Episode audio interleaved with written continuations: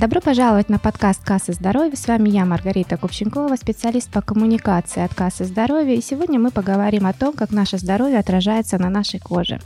От чего зависит здоровье и красота нашей кожи, с какого возраста можно посещать косметолога, в каких случаях нужен косметолог, а в каких дерматолог и о многом другом с нашими гостями, косметологом Оксаной Герасименко, а также у нас в гостях и готова поделиться своим личным опытом Айкун. А, Оксана, вот насколько я знаю, что кожа — это один из самых главных и больших органов нашего организма. Он отвечает за, э, за ряд разных функций, да, там дыхание, осязание, а, поддержка иммунитета, также она защищает от механических, химических там воздействий, да. А также кожа связана с кровеносной, лимфатической и нервной системой человека. И говорят, что еще и все внутренние органы да, связаны с нашей кожей, а, поэтому на ней отражаются все сбои, происходящие в организме. Так ли это? А, здравствуйте, дорогие слушатели. Да, это абсолютно так. По коже можно очень много считать информации. Если в этом разбираться и иметь определенный опыт, то, конечно, можно очень много узнать о человеке, в каком состоянии находится его здоровье, и оценить а, то, насколько а, сложная ситуация на данный момент с ним происходит, скажем так. Ну, э, ты как специалист вот это видишь, да, а вот э, на что стоит обратить внимание вот э, ежедневно, да, человеку, вот он подходит к зеркалу там утром, вот умылся, на себя посмотрел, там где-то какое-то пятнышко или еще что-то, как бы это какой-то значок, что там что-то у тебя внутри неправильно, или вот как реагировать? Стоит сразу бежать к косметологу или там в домашних условиях что-то ну, очень часто же девушки, конечно, на это обращают большое внимание и, безусловно, используют, пользуются услугами а, косметолога и дерматолога в том числе. И, конечно, это первые звоночки, потому что если какие-то у нас идут пигментные пятна, они могут быть связаны не только с повреждением клеток кожи, а еще, например, и с грязной печенью. А, да. А, конечно, поэтому а, не всегда, то есть идут какие-то средства, которые обесцвечивают, скажем, да, этот пигмент, а нужно еще почистить наши главные фильтры, например, да, это тоже печень, почки и селезенку. К примеру, есть такие препараты а, травяные, и они действительно чистят наши фильтры. То есть вот это э, визуально там что-то подмазал, замазал, это только временный эффект, а внутри остается все-таки проблема. Конечно, остается проблема, но можно работать э, комбинированно же, да, то есть и снаружи, и снутри.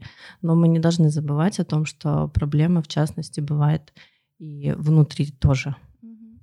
А вот скажи, вот э, с какого вот возраста ты бы посоветовала обращаться к косметологу? Это, я думаю, что на сегодняшний день как и а, молодые люди, так и девушки, и женщины, и мужчины посещают косметолога. Да, то с какого вот возраста ты посоветовала бы ну, первый раз обратиться? Ну, такого, наверное, конкретного возраста бы я не назвала. Я думаю, здесь нужно смотреть по проблеме э, человека, в частности, там, подростка, допустим, если идут э, закрытые комедоны, черные точки, как сейчас модно называть, да. А, и это говорит о том, что не происходит э, правильного очищения кожи. Это самый важный этап. То есть подобраны неправильные средства, скорее всего, они из масс-маркета.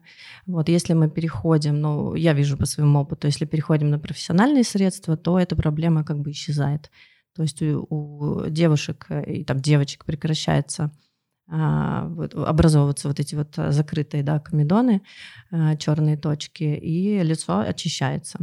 Вот, поэтому то есть, у меня, а, скажем, из моего опыта самая младшая была клиентка, это 10 лет. 10 лет. Да, то есть мамы внимательные уже начинают переживать и говорят, что ну, пишут мне в личные сообщения о том, что вот вы принимаете таких там девочек. Я говорю, да, конечно, приходите на консультацию. Я никогда не беру на чистку лица сначала. Мы обязательно консультируемся. Я говорю, что я помогу, и, скорее всего, я решу эту проблему э, чисто домашним уходом, скажем так. Ну, подростков это чаще всего, наверное, не то, что там а, внутренние какие-то проблемы, а гормональный фон, да, вот меняется. И не из-за этого, что они там что-то съели или там заболели чем-то. Вот Ну, Почему? конечно же, идет перестройка гормональная, безусловно, идет переходный возраст, и с гормонами связано. Ну и, конечно же, питание сейчас тоже. У нас э, изобилие еды всевозможной. И, конечно же, мы даем детям наличные деньги, и они могут пойти течение дня покушать где угодно. Это Макдональдс, запить это все Кока-Колой, потом закусить сникерсом. Это все классно, это быстро, это энергия. Но и потом это, естественно, остается у нас в организме, это все блуждает, пока у нас все это очистится через наши фильтры, и мы видим это все выбросы на коже лица, конечно. Ну, ну, нет, ну это да, у меня самих два, самой два подростка, скажем так, тоже успеваю только там фантик найти, там фантик, потом смотрю, здесь какое-то покраснение, здесь, но оно, в принципе, день-два у них проходит.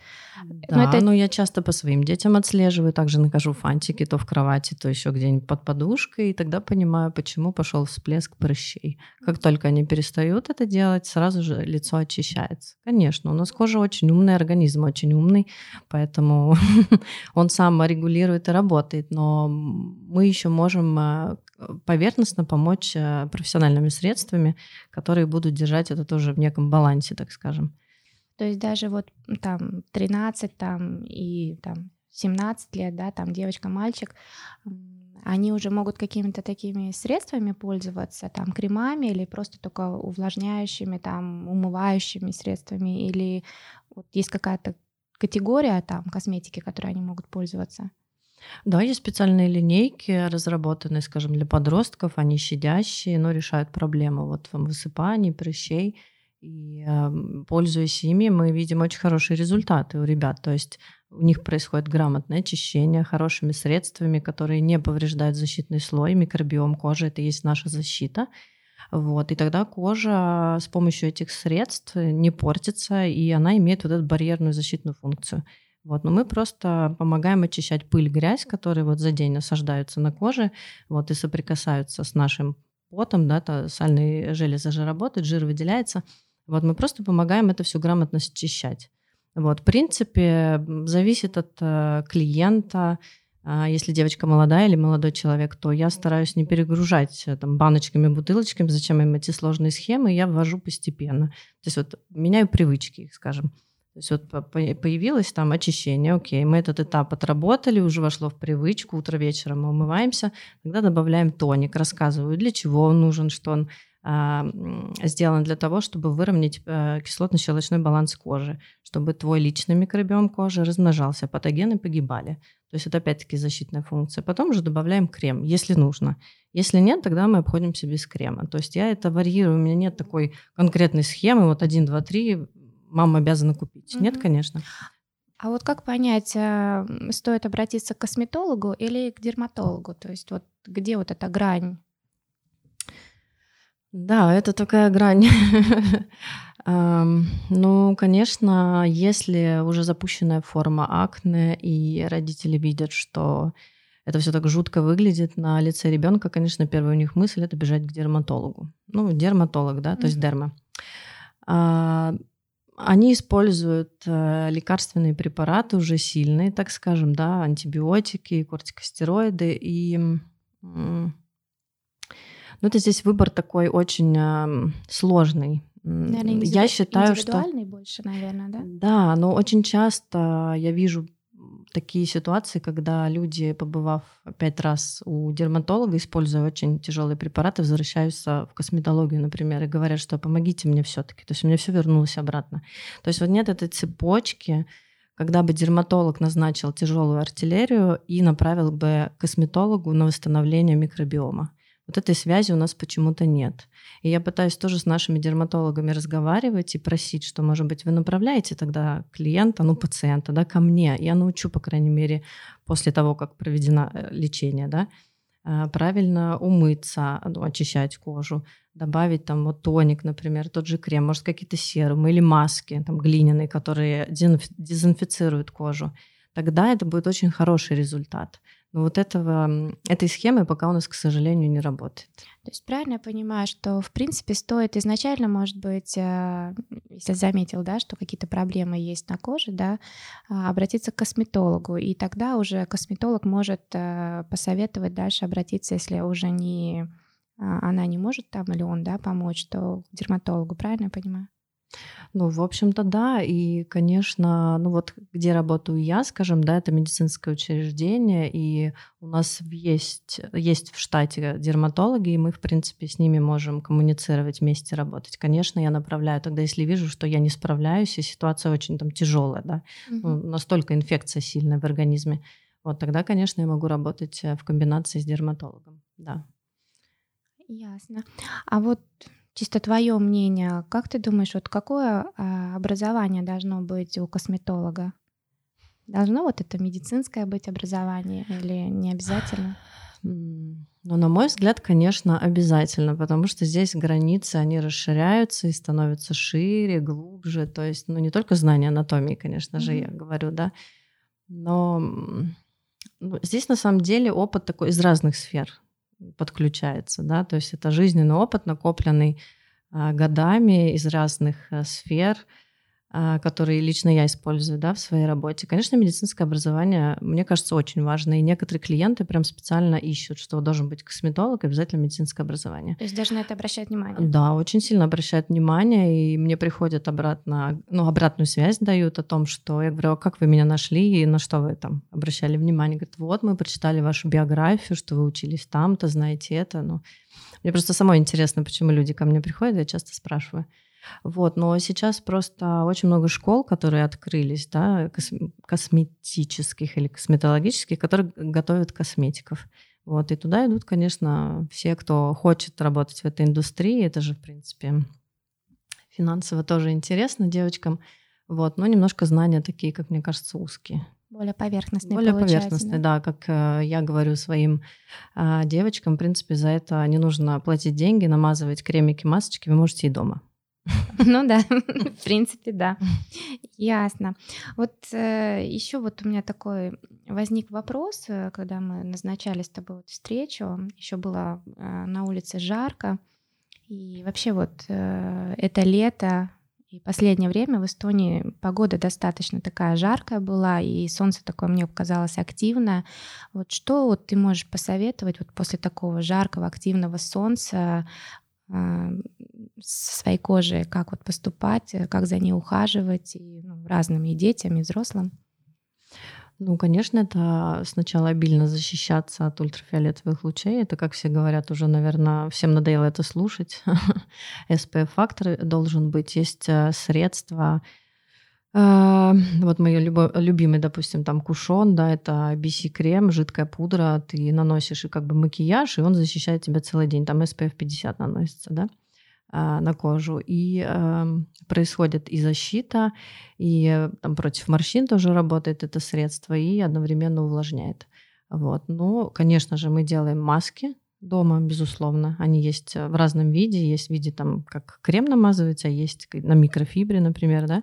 Вот, конечно же, это увлажнение, это прям номер один. Потому что если кожа потеряла влагу, нарушен вот влаголипидный баланс, то идет старение кожи, морщины появляются. Получается, вот э, летом вот да, жарко, вот это я там увлажняю ее все, а вот э, наступила осень, да, как-то нужно вот э, позаботиться о том, что вот было летом и подготовиться вот более холодному сезону, вот этот переходный момент.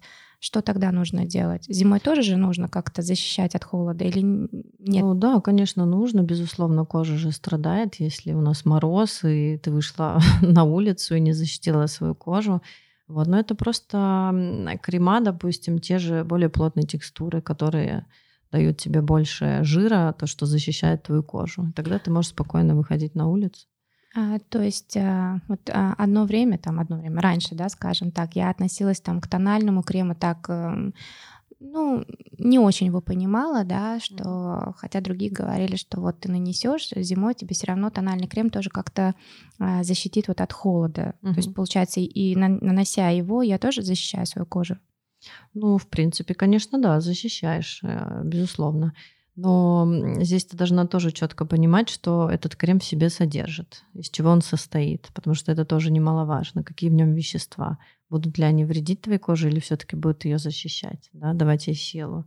А как мне это понять? Ну, вот это уже это такой уже... процесс, да. Здесь уже нужно подключать знания по химии немножко и знать, э, ну, чуть-чуть просто э, найти таблицы специальные веществ, которые, ну, сейчас всех перечислять, естественно, не буду, там тяжелые павы, да, вот, которые вредят э, защитной функции твоей кожи. Вот их нужно исключить. Вот это можно найти в любом доступе в интернете. Сейчас этой информации очень много. Ты можешь посмотреть, какие вот ты должна там отследить глазами, чтобы вот их не было. Это точно вот вредят, например. Их в масс-маркете очень много. В основном в масс-маркете такая ну, косметика В принципе, продается. я могу прийти вот э, там к тебе, да, ну или просто к любому mm-hmm. косметологу и просто задать вопрос, да, и сказать, вот, вот она я, посмотри мою кожу и скажи, чем мне защищаться летом, зимой, осенью, весной. То есть косметолог ну, же может мне, да? В принципе, конечно, у него должны быть в арсенале не только уходовые средства, но также и средства защиты. У меня, например, такие есть. Если я лечу кожу девочкам, да, то или там девушкам женщинам, то, конечно же, я рекомендую средства, которые а, будут давать им также и защиту в течение дня. Да? Ясненько. А вот у нас еще в гостях Айкун, да, вот очень было интересно, вот как ты познакомилась с Оксаной, вот как ты пришла к тому, что вот тебе нужно обратиться к ней или за помощью, я так понимаю. Всем здравствуйте. Ну, вообще у меня начались э, колоссальные проблемы с лицом. Ну, начали выходить прыщи, они не проходили, и все начали вокруг говорить, что нужно идти к дерматологу. Но я подумала, что... Ну, я почему-то хотела сперва сходить к косметологу именно. Ну, я так чувствовала, что мне надо. И я просто как-то одним вечером зашла в Инстаграм и просто вил, ну, вбила косметологи. И я просмотрела несколько аккаунтов, также посмотрела э, аккаунт Оксаны. И, но чем он мне привлек и понравился, он был очень э, оформлен правильно, как бы ну, люди же ведутся на картинку, как говорится, и в этом плане мне очень понравилось, что было хорошо оформлено, всегда все доступно объяснено, расписано, и также я смотрела на опыт работы. Он был достаточно большой.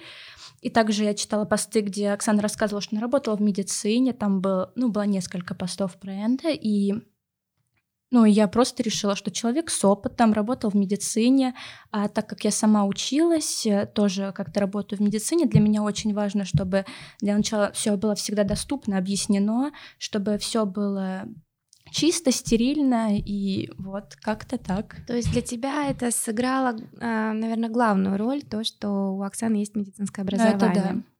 Ну, я так и думала почему-то, что люди на это обращают внимание. Ну, я лично тоже все-таки. Мне кажется, что ну, наверное, больше доверия все-таки у людей тоже, что это чувствуется, что это профессия, тогда как бы ну, должна идти в правильном русле, так скажем, даже вот отношение к людям.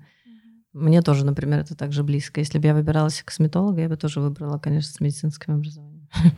Ну, ну да, естественно. Ну да, есть такой опыт. Ну да. А, ну вот если вернуться обратно вот э, к нашей коже, да, что это вот, скажем так, это зеркало нашего организма, Получается, все, что мы а, употребляем, да, это все отражается, я так понимаю, на нашем там лице или теле.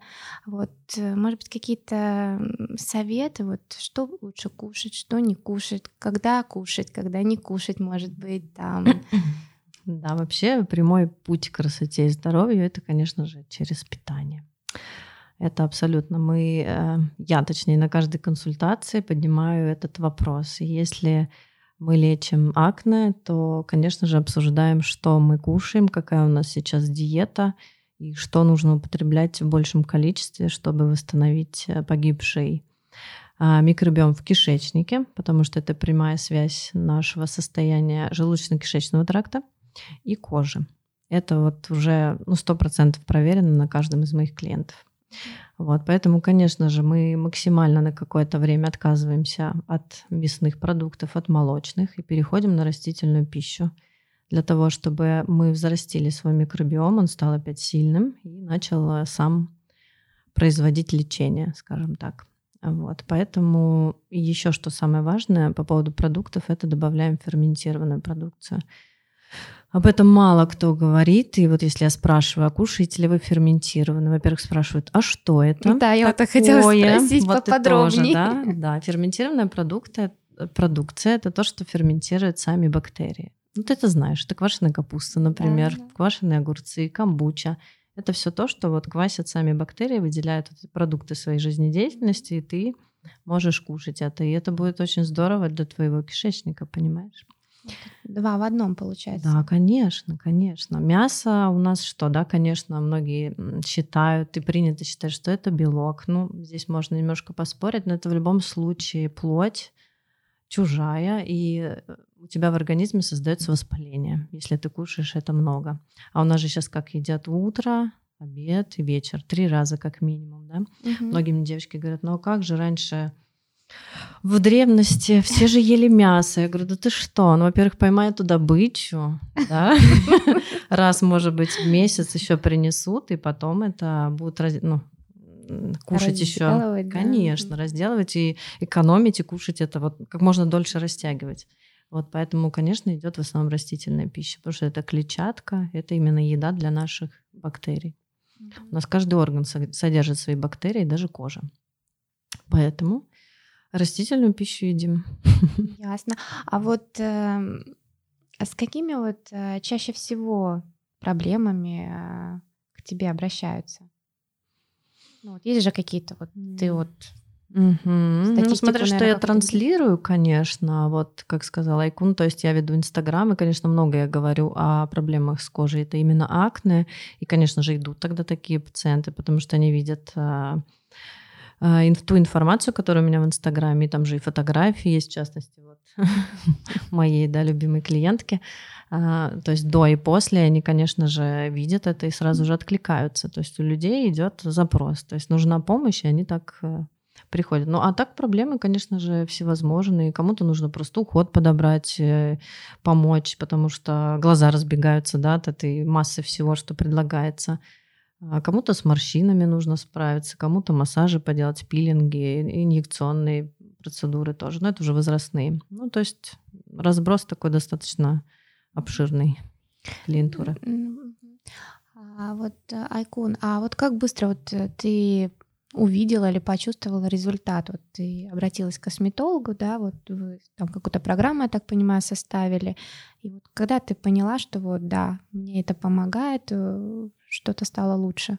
Ну, вот мы начали лечение, скажем так, в феврале, и где-то уже к маю я, ну, мне все стали говорить, что вот у тебя лицо стало лучше, как бы. Мне даже некоторые говорили, а ты тональным кремом намазалась, ну, что не так ярко все выражено. Такая, нет, все уже просто на самом деле намного лучше. Ну, где-то пять месяцев, вот так. Угу. Ну, конечно, все же зависит от степени и сложности самой проблемы. Я девочкам тоже говорю, что очень важно терпение. У меня даже по этому поводу есть смешной там видеоролик о том, что я была вчера у вас на консультации, я пишу, что случилось, ну это как будто в телефоне mm-hmm. там, да, смс получаю. Говорит, ваша косметика не работает. Я проснулась, и как бы меня все равно прыщи, да.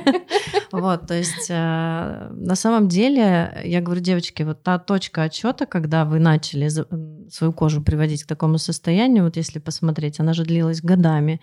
То есть теперь мне нужно обратно этот клубок размотать, поэтому нужно набраться терпения. Я говорю, у вас сейчас есть самое важное, это хорошая косметика, уход. Мы с вами проговорили, что вы должны сейчас кушать, чего вы не должны кушать. Кстати, по поводу сахара, вот я хотела еще уточнить, что мы убираем любую продукцию, которая содержит сахар. Потому что у нас э, патогены внутри, если уже есть э, инфекция, они очень любят сахар. Я даже иногда так смешно им рассказываю, говорю, что вот, представьте, пришел этот сахар, у них там ей, там дискотека, они там все, ура, пир на весь мир. Некоторые смеются так. Вот, поэтому это тоже немаловажный нюанс, сахар убираем. И буквально через две недели многие пишут и говорят, вы знаете, я вот уже не ем вот этого, и меня стало намного лучше. Ну, это, наверное, от силы воли зависит, да, вот я, например, знаю, что я сладкоежка, я вот не представляю, вот если бы мне сказали, вот, ну, вообще нельзя сахара, там, я не говорю, что я его там ем ложками или еще что-то, а, да, я понимаю тебя очень. Есть какие-то что-то, что можно заменить, скажем, там, ну, с кофе там или с чаем что-то? А, ну, видишь, здесь еще важно, насколько ты хочешь этого. Если у тебя нет этой цели, конечно, я тебя никак не обхитрю и никак не обману. Вот, но если ко мне приходят э, девочки уже со слезами на глазах о том, что ну никто не может помочь, ну вот все просто катастрофа.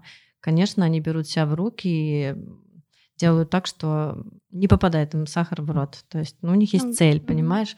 Но на самом деле есть ам, очень интересный препарат китайский, где содержится, называется такой паста роза. Вот я тоже своим детям даю и сама ем. Там содержится микробиом в том числе, и он, по-моему, с медом идет.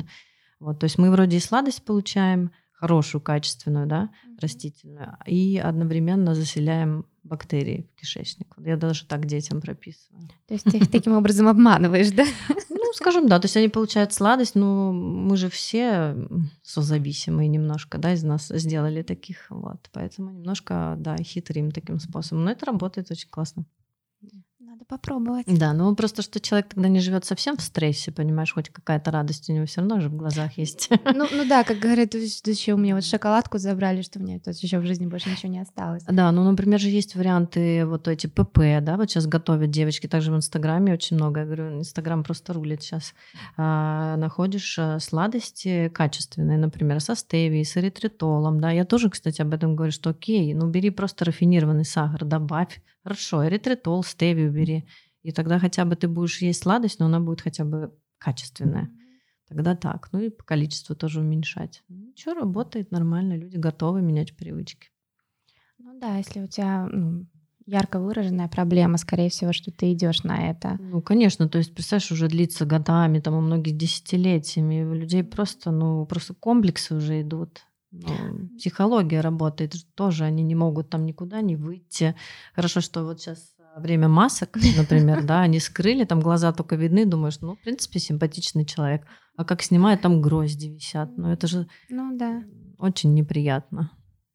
Ну, тут получается, что э, большую роль все-таки играют и родители. Ну, если вот мы берем, с, если с- вот ребенок, да, растет, он же это все, эти знания, да, как за собой ухаживать, за кожей. То есть, в принципе, здесь надо а, родителям, да, дать такой совет, что Ну да, все же идет из семьи у нас. И меня, например, тоже никто не учил, как за собой ухаживать. И моя мама, например, тоже, наверное, не в курсе, как это делать и до сих пор. А, Вот, это, это все жизненный опыт, приходит и какой-то, не знаю, внутренний интерес, что это вот твоя профессия, и ты бы хотела это знать, и тогда ты уже знания передаешь людям.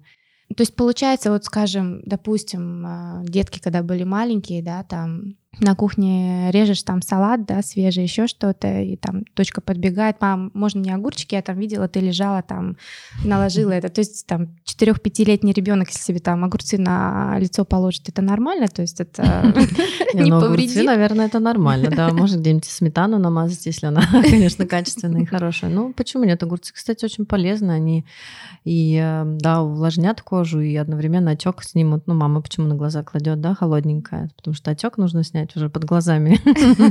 Отеки пошли, да. поэтому такие, да, народные средства. Ну вот я тоже просто помню вот э, с детства, что вот к бабушке приезжала, да, там она, видимо, просто не знала, как нас занять, да, там тоже там готовит что-то, э, уже думает, как-то надо нас успокоить, там поло- положит мне, говорит, все, давай мы сделаем огуречную масочку, вот это она огурцы наложит, и я лежу, вот это не шевелюсь, думаю, Ну, такая какая красивая. бабушка мудрая. Знала, как тебя остановить хотя бы на немножко. Молодец. да. Ну, я была просто еще уверена, я очень стеснялась своих веснушек, а, их Это было... красиво. Сейчас знаешь в тренде, да, рисуют девочки. У меня Да. пришла одна клиентка на эпиляцию, молодая девушка. Я говорю, «А что с тобой? Я же знаю ее лицо, оно по-другому выглядит. Она говорит, это у меня веснушки. Я такая думаю, это же сейчас модно. и Они рисуют прям себе веснушки. Да, я видела, и подростки рисуют, и Да. А я смотрю и тренде. думаю, боже мой, я все детство в огурцах этих лежала, не шевелилась. Вот. И самое интересное, что вот у меня там, да, вот это же получается пигментные пятна или как вот веснушки? К чему они Ну, относятся? Да, ну, наверное, относятся, да, да, да, конечно, относятся к пигментным пятнам, но они такие маленькие, кокетливые, зачем их выводить? Да, ни Ну, это как вот у кого кудряшки хотят прямые волосы, у кого прямые Да, волосы да, да, кудряшки. конечно. Вот видишь, это опять-таки про любовь к себе. Очень много девочек я заметила, те, которые приходят с проблемами. И с акне тоже не любовь к себе. И об этом мы тоже говорим, обсуждаем. И прорабатываем немножко эти темы, даю им тоже какие-то инструменты определенные для этого, чтобы у них хотя бы чуть-чуть мышление поменять, и больше они обращали внимание на себя. Как психология все равно какая-то идет, правильно? Конечно, безусловно. А ты не можешь работать с людьми и не, не быть психологом. Это невозможно. Но я говорю, это про то, что просто масочки, кремики намазывать, это ни о чем. Здесь нужно из разных областей быть подкованным, немножко иметь опыт. Конечно, это психология, да.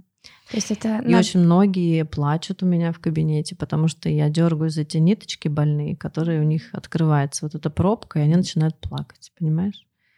И вот видно, сколько там боли, и поэтому... Но если она не выйдет, то... Ну, это конечно, это там... нужно прорабатывать, потому что э, я тоже сейчас заканчиваю год вот в холистическом институте учусь, и э, «Путь к себе» называется этот первый курс, и тоже очень много оттуда взяла инструментов, которые использую вот в своей работе.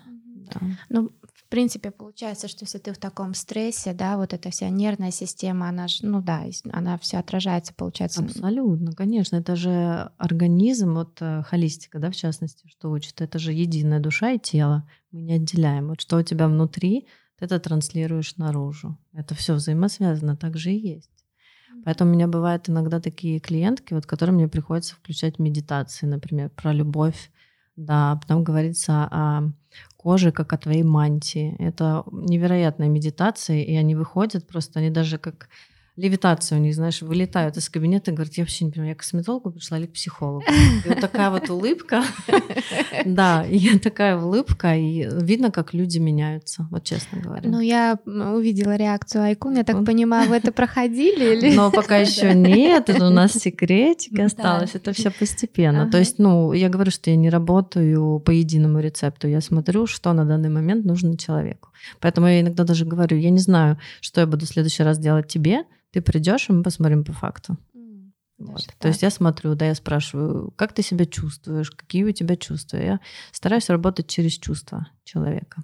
Вот это тоже это немаловажно. Очень интересно. Да, это тоже очень интересно. И люди сразу делают такие большие глаза, «А, что я чувствую, и вот начинают мне рассказывать. Очень интересные вещи бывает узнаю. Да? Понимаешь? Да. То есть я говорю, это не только про... выбрала. Но профессия, да, она интересная, но здесь же еще важно творчески подойти, понимаешь? Ну, то, что у тебя творческое все получается, ну, это спасибо. я знаю. Вот, и мне сейчас буквально на днях прям посыпались э, такое количество запросов, а вы обучаете косметологов, а вы обучаете косметологов? Я говорю, нет. А потом думаю, может, это мне знаки какие-то идут, если не обучаете? Возможно, да. Да, ну пока что, наверное, я до этого не доросла, хотя кто знает. Ну, я так со стороны наблюдаю за знаками, которые мне посылает Вселенная, а там посмотрим. Ну, посмотрим. Да. Ну, я думаю, у тебя хорошо бы получилось. Ты находишь подход к людям. А, но сейчас у меня на самом деле в планах а, немножко подпортилась ситуация в мире, да, с нашим ковидом вновь прибывшим, и у меня был разработан курс для подростков. Да, так как у нас в клинике есть большие залы обучающие, я хотела сделать курс для подростков и именно а, практически учить их, как за собой ухаживать. Ну, то есть элементарные вещи. Начинаем да, с очищения, тонизации, крем чтобы я им показала правильно, как нужно трогать свое лицо. Они же ведь не знают этого. В магазине же никто не объясняет, тебе продают баночку, консультанты говорят, идите домой, и ты такой счастливый побежал. Ну вот как тебя научили дома, да, mm-hmm. родители, так ты умеешь. Вот. А там же есть свои нюансы, да, что если средство очищающее у нас профессиональное, нужно им обязательно мыться там 2-3 минуты, к примеру, да, как вот нужно чистить лицо руками. Это все хотела показать, чтобы они не боялись трогать свое лицо. Вот, правильно, да. И от этого же тоже результат э, сразу будет хороший. Ну, ну естественно, да. Все конечно. же замечают, что вот если они выполняют э, по той схеме, как я их учила в кабинете, да, то есть сразу лицо становится другим. Ну, интересно, наверное, за этим наблюдать. Особенно Конечно. за подростками, за детьми, да, да они у них они, такие. Конечно, они становятся более уверенные потом в своих действиях, и потом дальше будут опять-таки передавать своим детям, вот про то, что мы говорили, да, что идет все из семьи. Если родитель умеет это делать, то он и передаст ребенку, а если нет, то ну, будет сам ребенок где-то по крупинкам эту информацию собирать в интернете, в ТикТоке, я не знаю, в Снэпчате, где они сейчас там тусуются. ТикТок, мне кажется, да. Сейчас да. у них они оттуда все, по-моему, берут.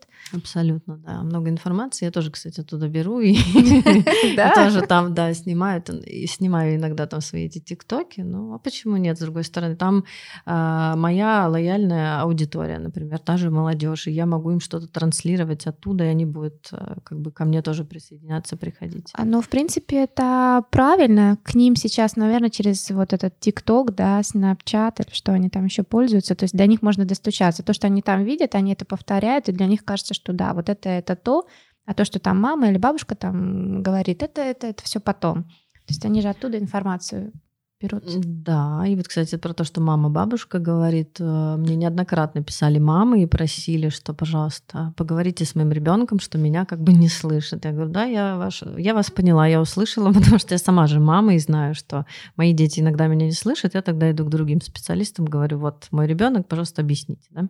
И почему-то они слышат тогда других людей.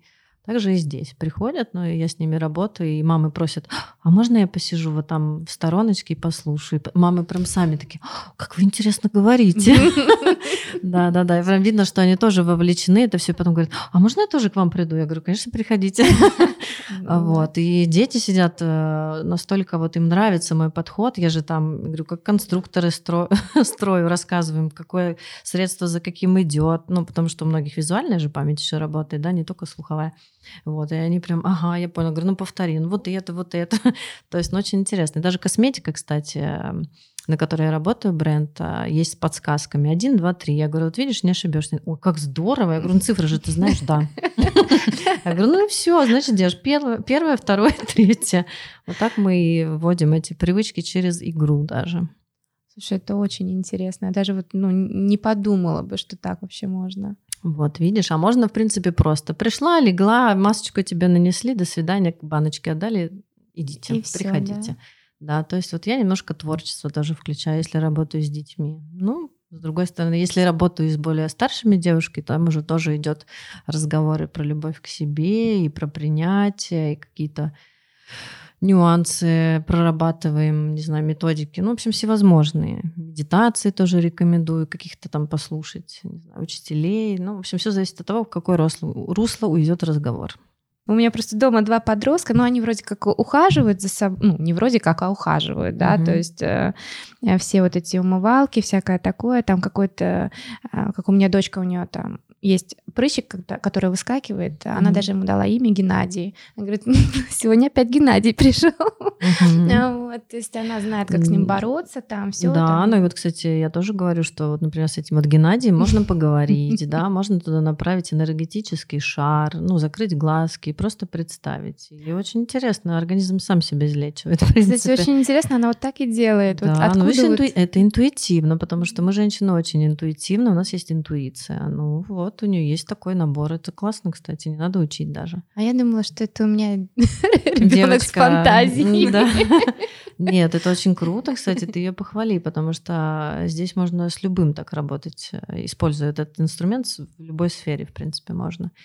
Э, иногда даже, вот я сейчас прошла, тоже такая есть тема рейки, да, это когда ты подключаешься ну, к энергии, ну, может быть, это сложно для кого-то. Но вот, э, кстати, в Америке таких косметологов очень ценят, потому что они работают вот именно еще энергетически с человеком. Я же все равно проникаю в биополе, да, руками прикасаюсь к тебе. Угу. Вот, и когда там идет эта положительная энергия, которая лечебная, вот, он тоже очень работает. Интересно. Слушай, я думаю, что это, наверное, можно бесконечно об этом а, разговаривать, mm-hmm. спрашивать, и очень интересно. Я думаю, что я даже знаю, кого я к тебе направлю. У меня есть там два человечка дома. А вот можно я у тебя спрошу вопрос? Вот ты как мама, да, mm-hmm. говоришь, что у тебя два человечка, у них есть косметика. Вот чем ты руководствовалась, когда покупала им косметику? И какую? Да, а, я, э, скажем так, бренды не буду называть. Mm-hmm. Это косметика аптечная а, а, тоже подошла к тому, что посмотрела, какая проблема, да, у одного более сухая кожа, а у дочки более жирная кожа, то есть у них разная косметика, обязательно идет умывание не просто там мылом каким-то, а там гелем, скажем. А, очень часто они пользуют вот алоэ, вот эти, где содержат. Mm-hmm. Это раздражение у них забирает все ну, мальчику, скажем так, ему этого достаточно, ну, пока что вижу, что mm-hmm. достаточно, вроде возраст такой переходный, а у сверстников уже там разные прыщички, всякое такое, у него mm-hmm. кожа чистая. Ну, значит, все, все правильно. Бывает, что съест что-нибудь там, цитрус, например, как я, я, у меня зуд появляется, и там какие-то прыщики, но через день они проходят. Но я знаю, что это аллергичная реакция.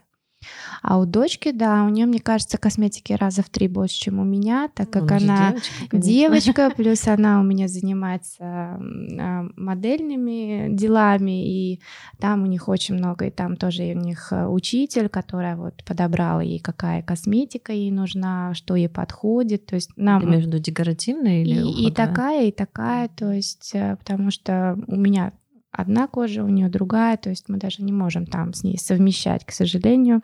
Приходится как бы 3-4 комплекта разных дома ну, mm-hmm. иметь, как бы для каждого свой. Окей, okay, спасибо, да, поняла. Ну, наверное, надо подытожить, да, вот наш сегодняшний разговор. А, я надеюсь, что, может быть, мы еще раз как-нибудь так соберемся. Есть еще да, масса, масса вопросов. И а, вот в итоге получается что? Что все, что мы едим, пьем, делаем, как мы себя чувствуем, это все отражается на нашем лице, скажем так, да, то есть если мы на нем что-то видим, не стоит игнорировать, а стоит обратить внимание и обратиться к специалисту. Да, это все сигналы, и нужно быть очень внимательной к себе, к своему организму, и, конечно же, искать человека, который бы помог а, эту информацию считать и предложил какие-то варианты решений. Да. Спасибо, Оксана Айкун, что вы сегодня пришли, а, пообщались с вами Спасибо, так замечательно. Что ты пригласила, да. очень было интересно. Да, все, до свидания. Да, до свидания. До свидания.